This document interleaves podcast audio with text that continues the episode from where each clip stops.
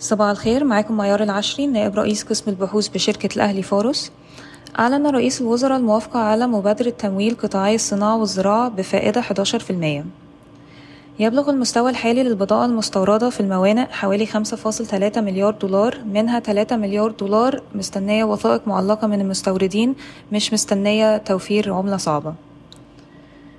نما إجمالي صادرات مصر بنسبة 20% على أساس سنوي في 2022 لتسجل 53.8 مليار دولار بينما ظلت الواردات غير النفطية دون تغيير عند حوالي 80 مليار دولار.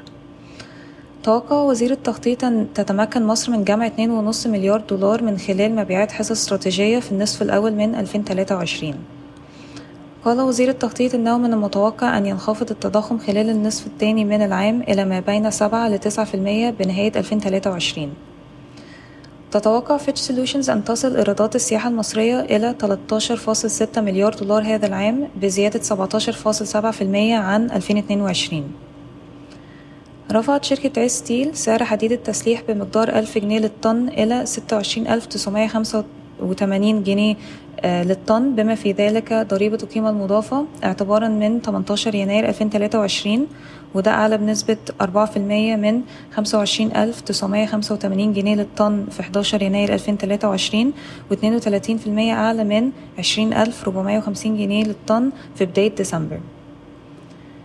استحوذت Egypt Education Platform على حصة أغلبية تتكون من 71.4 مليون سهم في سلاح التلميذ مقابل 646 مليون جنيه. Egypt Education Platform مملوكة ل EFG Hermes والصندوق السيادي المصري.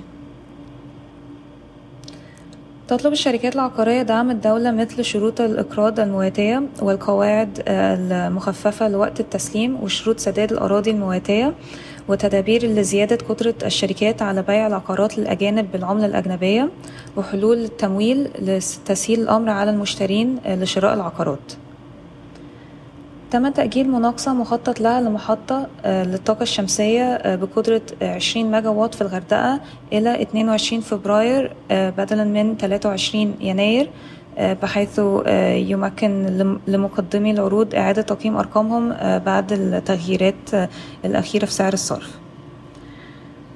تلقت وزارة الكهرباء عرضا من شركة يونانية لإطلاق مشاريع توليد الكهرباء من خلال مصادر نظيفة متجددة وإنشاء خط ربط كهربائي لتصدير الطاقة المنتجة إلى أثينا في مرحلة لاحقة باستثمارات إجمالية تبلغ نحو 4 مليار دولار.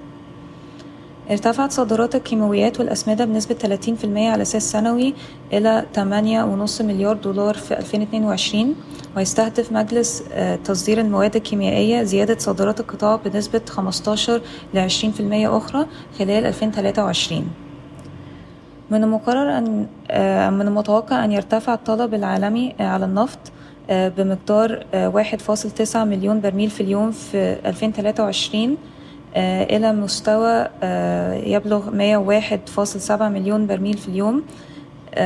مع ما, ما يقرب من نصف الزيادة متوقع من الصين بعد رفع قيود الكوفيد. شكرا ويوم سعيد.